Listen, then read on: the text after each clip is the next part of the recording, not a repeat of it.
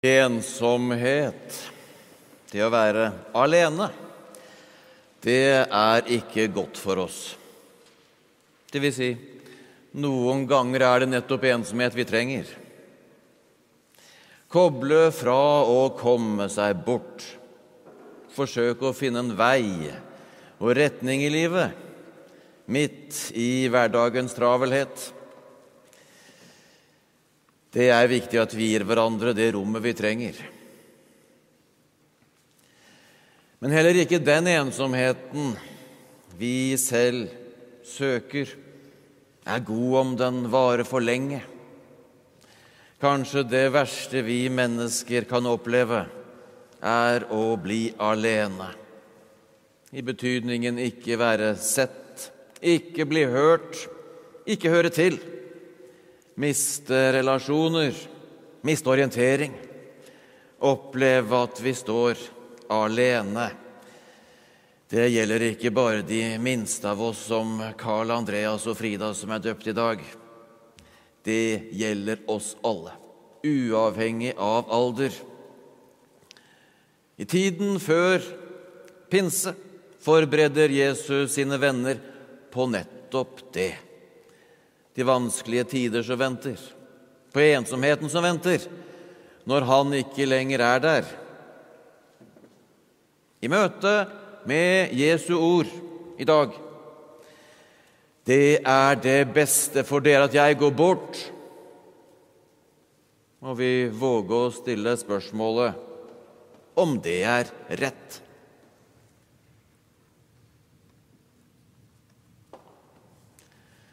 Fra fortellingen om påske husker vi jo at disiplene gjemmer seg. De låser seg inne når Jesus gripes. De er redde og føler seg nå både ensomme og forlatt. De vet verken frem eller tilbake. Var det det beste for de som hadde sett ham, og var grepet av hva de hadde opplevd i hans fellesskap? Fått nytt håp, som nå fulgte ham som hans venner, disipler. Var det det beste at han forlot dem, gikk bort? Opplevelse av ensomhet og å være forlatt er gjenkjennelig også for oss som senmoderne mennesker i dag. Vår opplevelse av ensomhet og av å være forlatt er likevel ikke identisk med den gang. Den er sterkere og dypere. Gjennom eh, modernitet og vitenskapeliggjøring har vi gjennom de siste århundrer i vår kultur gradvis mistet en himmel over livet. Vi har mistet en mening med tilværelsen og livene våre som er mer enn eller noe annet enn hva vi selv med vårt eget strev kan klare å generere. Og det er knapt noen hull av uvisshet igjen til forståelsen av virkeligheten, hvor vi kan gi Gud en plass eller rolle. Det myndige mennesket er også det dypt ensomme mennesket overlatt til seg selv. Er det noen vei tilbake? Tilbake til en førkritisk og førmoderne virkelighetsforståelse? Nei. Som vi husker fra slutten av skapelsesfortellingen i Første Mosebok, så vokter kjeruber porten inn til paradis med flammende sverd. Veien ble lukket for Adam og Eva. Det er den også for oss. Det er ingen vei tilbake til noen uskyldstilstand. Vi må på noe vis bevege oss fremover. Spørsmålet til oss i dag er kanskje mer hvor stort vi våger å føle og tenke om Gud og Guds virkelighet. Og like mye hvor stort vi våger å føle og tenke om verden som Guds verden.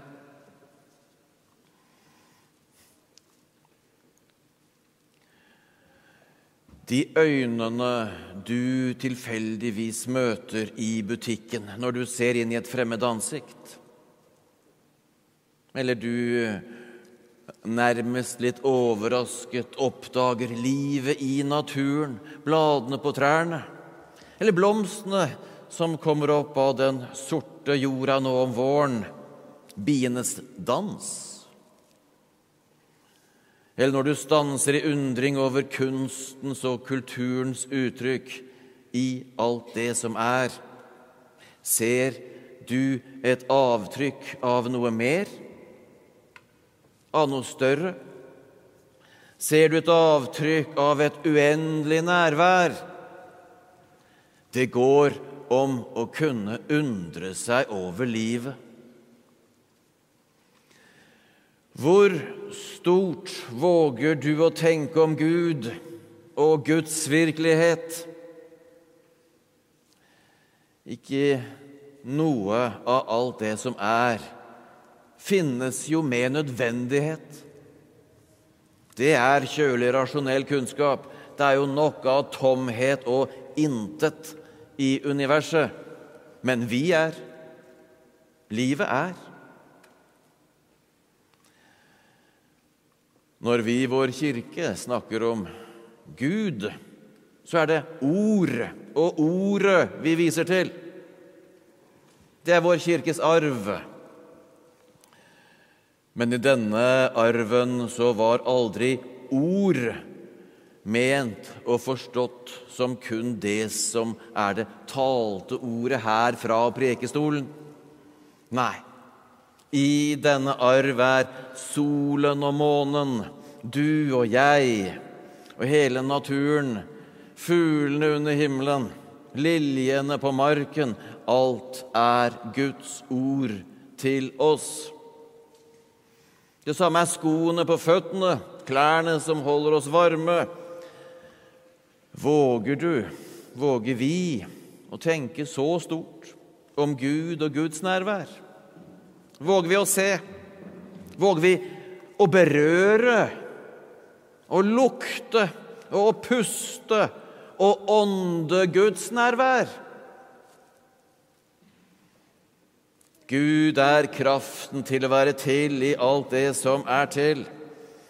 Gud er et overnaturlig og uforståelig vesen som både er helt og fullt til stede i ethvert lite frø og samtidig til stede i alt og overalt og utenfor enhver skapning.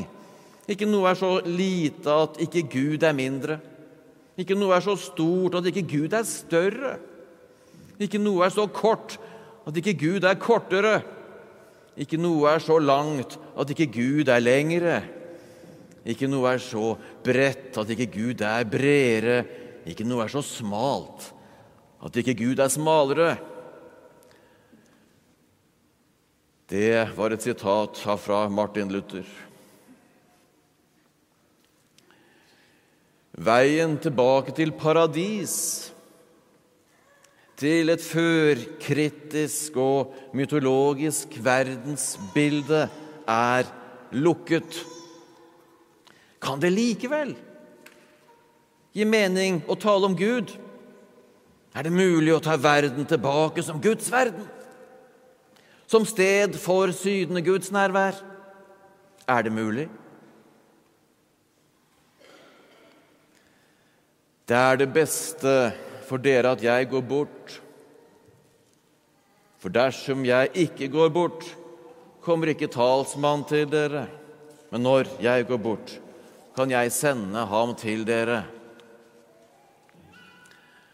Kanskje det verste vi mennesker kan oppleve, er å bli alene. I betydningen ikke være sett eller hørt, ikke høre til. Miste relasjoner, miste orientering, oppleve at vi står alene. La Helligånden åpne hjertet ditt, så du opplever at du er sett er hørt, at du ikke står alene. at Gud, som er kraften til å være til i alt det som er til, også er i og bærer deg, strømmer gjennom deg. Våger du å tenke så stort om Gud? Våger du å tenke så stort om verden, Guds verden? Våger du å tenke så stort om deg selv? Åpne opp forundringen over livet og la ærefrykten synke inn i deg og få plass i ditt hjerte. For Gud er oss nærmere enn vi er oss selv. Da lærer vi hva synd er. Det er dommen. Synden som den kraft som lukker deg inne og gjør verden liten. Så liten at du tror du er ditt eget opphav, at du bærer din egen tilværelse. Det er å være fanget i syndens malstrøm. Helligånden frir deg fra syndens malstrøm og lærer deg rettferdigheten å kjenne. Helligånden tenner håp i vårt hjerte. At det er i snekkers sønns liv og virke i Jesus Kristus at vi lærer Gud å kjenne. At vi Jesus lærer å kjenne kraften til å være til i alt det som er til. Helligånden viser oss at kristendom, en kristendom som ikke er utpressing, ikke er utpressing, verken intellektuelt eller eksistensielt henseende. Vi finner en kristendom som ikke er lov, men evangelium. Vi finner en religion som ikke er til for sin egen skyld, at mennesket ikke er til for kristendommens skyld. Vi finner en kristendom også som religion som er til for menneskets skyld. Helligånden befrir oss fra lovreligionens og loviskhetens vei til Gud og sannhet. Det er en erkjennelse som må være gjeldende så vel innad i kristendommen som utad overfor andre religioner. Ønsker ikke Kirken å ta denne erkjennelse inn over seg, da duger den ikke til noe lenger, men kan bare kastes ut og tråkkes ned av mennesker, for å si det med Matteus. Det er det beste for dere at jeg går bort. Ja, for vi får oppleve og erfare talsmann Helligånden i våre liv. Fra skapelsesberetningen husker vi at Gud pustet sin ånde inn i mennesket, slik at mennesket blir en levende skapning. Pinsefortellingen handler om at Gud puster sin hellige ånd inn i oss, til nytt liv, til fornyet vilje, med lyst til å leve og med håp til morgendagen og til salighet og evig liv. Ære være Faderen og Sønnen og Den hellige ånd, som var, er og være skal, en sann Gud fra evighet og til evighet. Amen.